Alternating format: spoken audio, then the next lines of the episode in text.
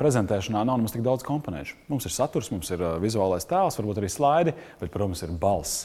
Un par balss tematu mums ir milzīgs prieks par to, ka šodien mums pievienojas Zana Daudziņa, Latvijas Kultūras Akadēmijas runas pedagoģa un, protams, arī aktrise. Skatāmies! Bing, bing, bang, bang, bing, bing, bing. You know what that is? Obama. Esiet sveicināti kārtējā diena pēc podkāstu epizode. Es sveicu jūs. Mans vārds ir Kristaps Petersons. Es esmu prezentāciju meistars. Mans kolēģis Oskars Priede, publiskās runas treneris. Šodien mums ir viesņa, aktrise un runas pedagoģe Zana Daudziņa. Oskaram noteikti ir virkni jautājumu tieši tāpat kā man. Es nezinu, kurš sāks metam kauliņus. Kā, kā Zin, pirms mēs sākam, es gribēju uzsvērt, ka mūs var ne tikai skatīties, jo reizēm nav ērti skatīties, mūs var arī klausīties. Kā jau podkāstam tas ir pieņemts. Tad, kur Spotify mēs esam? Apple, iTunes. Apple iTunes. Mēs, iTunes, mēs esam, uh, kur mēs vēl esam? Mēs no. daudz kur esam. Jā, ir tās platformās. Principā visas populārākās platformas, izņemot Amazon, jo no Latvijas Amazonē nevar neskāpēc uploadēt. Bet nu, gan centrālā persona šajā epizodē ir Zana Daudziņa. Un, uh, Latvijā ļoti zināms cilvēks, varbūt nu, pateicoties dažādiem teātriem un seriāliem, seriāliem. un varbūt arī kino un tā tālāk bet arī kā Latvijas Kultūras Akadēmijas runas pedagoģi. Un patiesībā šo mēs gribam nu, saka, izmantot, ja tā var eh, teikt, šajā reizē. Man noteikti ir daudz jautājumu, mums laiks nav bezgalīgs, bet nu, tomēr. Ja. Viena no lietām, ko mēs ar Kristapu apspriedām, eh, ir tāds, eh, nezinu, vai mīts, es teiktu, tas īsti nav mīts, bet tā ir tāda varbūt skaudra patiesība, ka vīriešiem ar tām zemākām balsīm ir lielāka ietekme uz jebkuru ar ko viņš sarunājas, vai tā būtu lielāka grupa vai viens cilvēks. Savukārt, sievietēm ir papildu jāsitās, eh, lai dabūtu līdzīga līmeņa ietekmi. Vai tu tam piekrīti?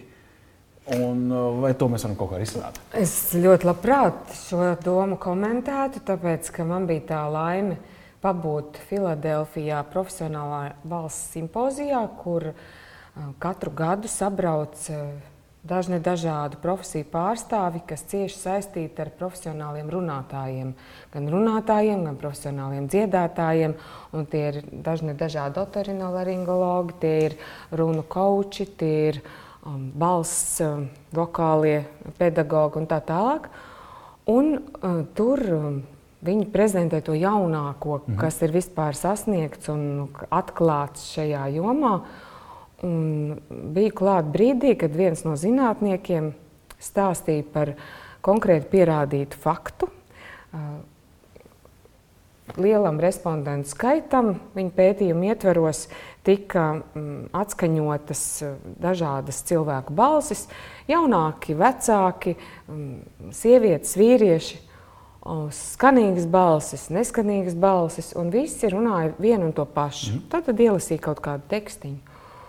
Un tad savukārt vīriešiem, sievietēm, dažne dažādu vecumu pārstāvjiem tika atskaņotas šīs balsis, un secinājums ir viens. Par kompetentākām, uzticamākām uzskata tās tembrāli zemākās, spēcīgākās balsis.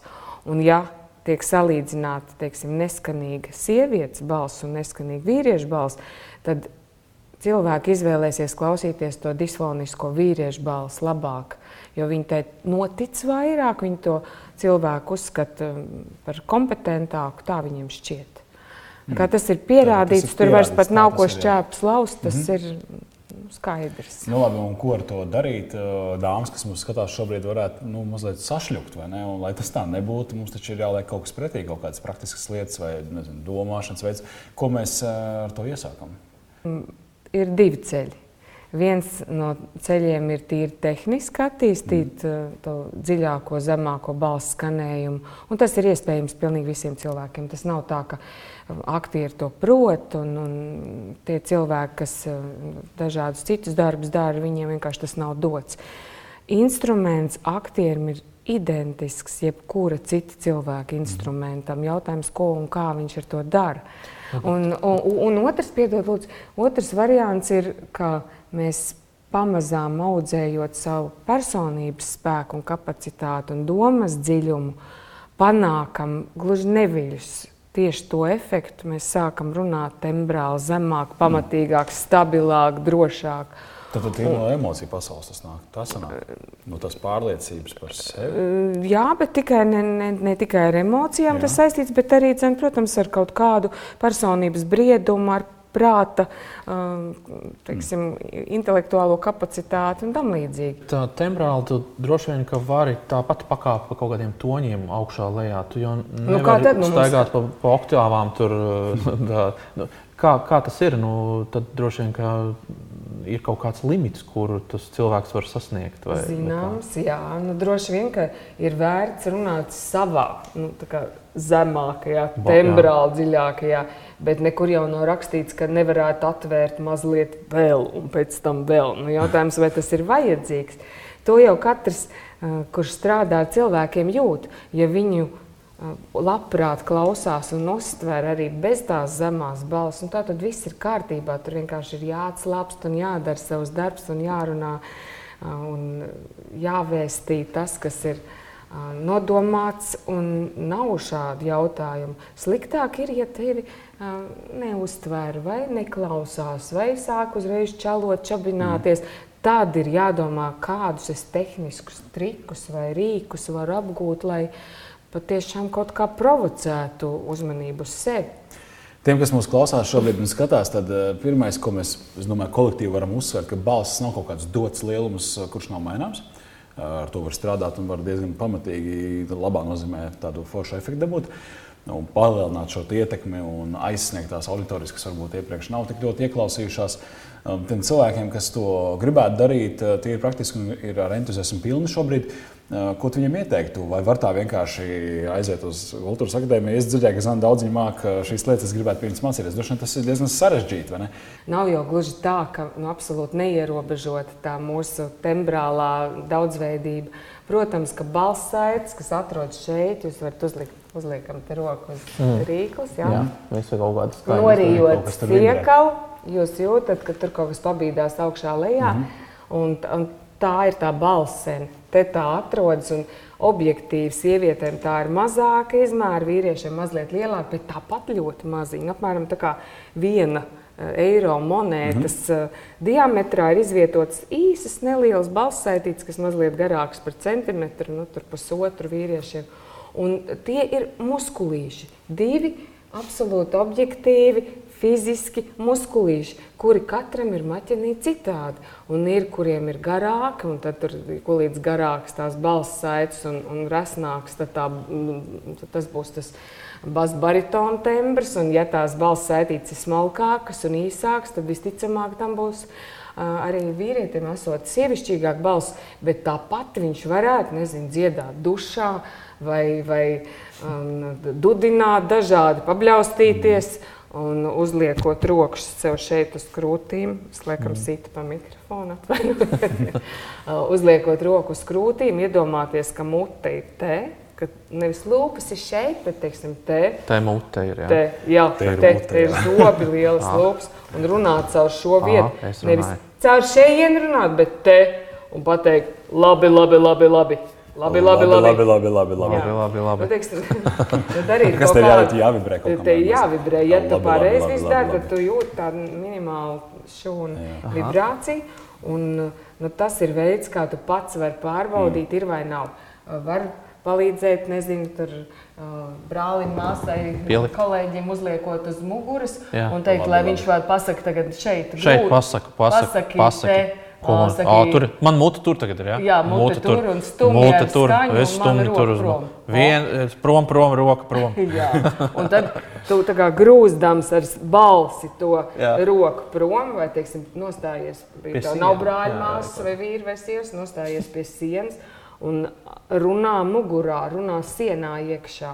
Nu, tas ir mēs panākam tādā veidā? tādā veidā, ka mēs nelietojam to galvas balsi. Tu to kaitinošu. Nu, to nu, visu veidu, Jā, jā. teiksim, pierē vai dagunā vai kakliņā. Diezgan Bet- daudz cilvēku runā mēs Runā tā, runā, tāpēc, ka it kā ir tā sajūta, ka tā forši rezonē. Kontrola tāda laba arī par Un tiem arī nu, toņiem. tā amerikāņi šobrīd modē, mm. un viss kontinents Jā. runā nazālā valodā. Bet tas ilgstoši, tā runā, cilvēkiem ir kaitinoši un viņi atslēdzās. vai ne?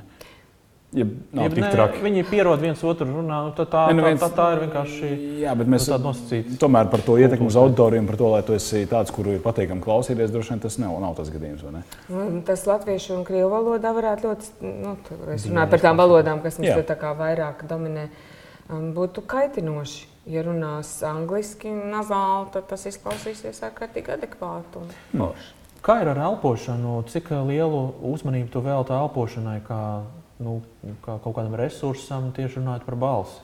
vislielāko. Un, jo gadi iet uz priekšu un uh, lielāka pieredze rodas, um, es secinu, ka elpošana ir visa pamats.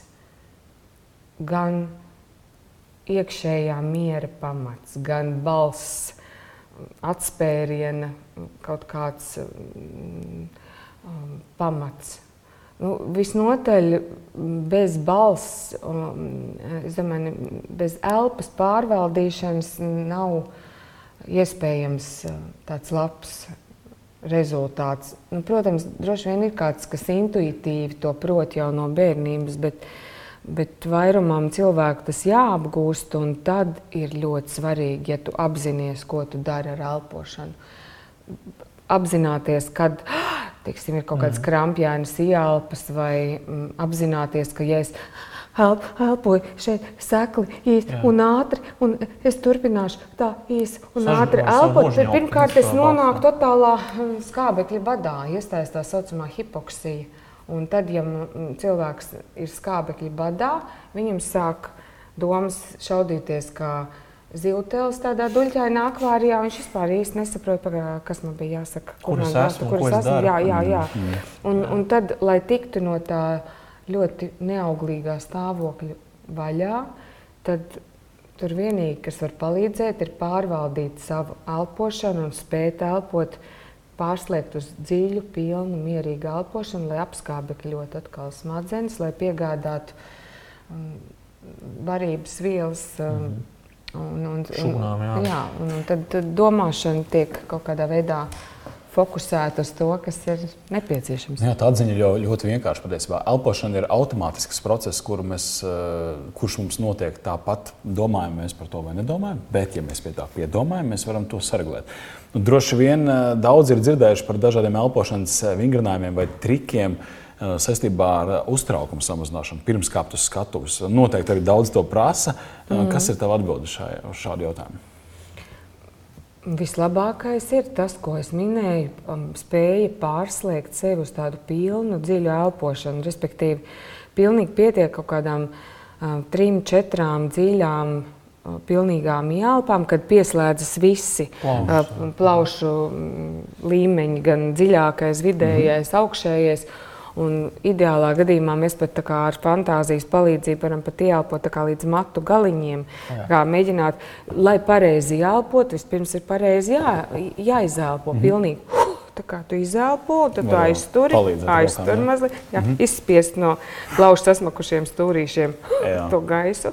Un tad viens, divi, trīs, četri aiztur. Un tad ielpo sākumā šeit, izspiežot apakšā. vēdera sieniņu. Un aiztur mazliet. Un gara, gara, gara, gara, gara, gara izelpa.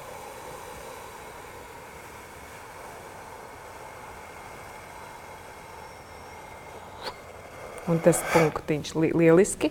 Un tā kāds uh, pāris reizes mm -hmm. pamatīgi izelpo, pamatīgi ielpo, un tu iedod svaigu gaismalku savam organismam. un Tad, uh, protams, ka uzreiz uh, sāk pieslēgties racionāla domāšana, un tu saproti, kur mm tu esi, kas tev jādara. un Tad tu sāc novērtēt to mm, arī savu spēju to izdarīt.